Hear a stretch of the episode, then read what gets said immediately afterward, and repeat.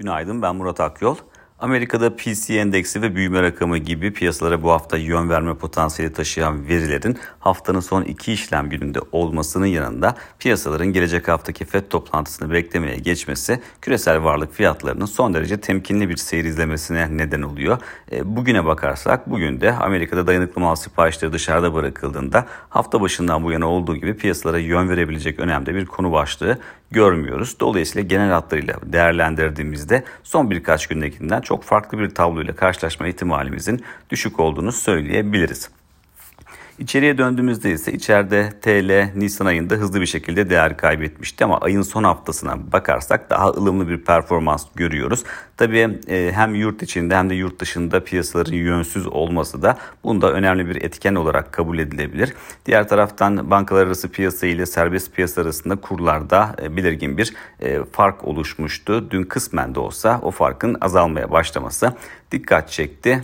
Tahvil bono piyasasında ise ayın ortasında 2 yıl vadeli ve 10 yıl vadeli tahvil faizleri arasındaki e, makasın 4 puanın üzerine çıktığını görmüştük. E, o da son birkaç günde zaten azalma eğilimi gösteriyordu. Dün de 2 puanın altında rakamlar görmeye başladık. Borsa İstanbul'a bakarsak Borsa İstanbul'da 5200 puana sıklıkla vurgu yapıyorduk. Bu puan e, bu seviye aşılmadıkça endekste yukarı yönlü denemelerin e, anlamlı bir iyileşme getirmeyeceğini e, söylüyorduk. Dolayısıyla 5200 puana aşamayan endeksin yönünü aşağı çevirmesi aslında teknik görünümle son derece uyumlu.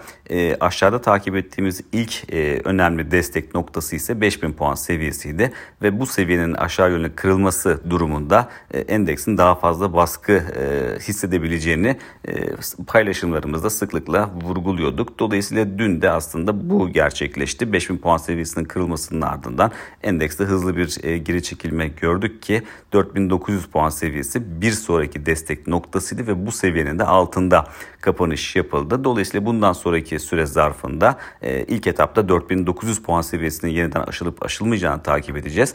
Ama baskının sürmesi durumunda aşağıda takip edeceğimiz noktalar sırasıyla 4850 ve 4800 puan seviyeleri olacaktır. Diğer taraftan bilançolar da gelmeye devam ediyor. Bugün de Akbank ve Türk Traktör'ün sonuçlarını piyasalar takip edecek.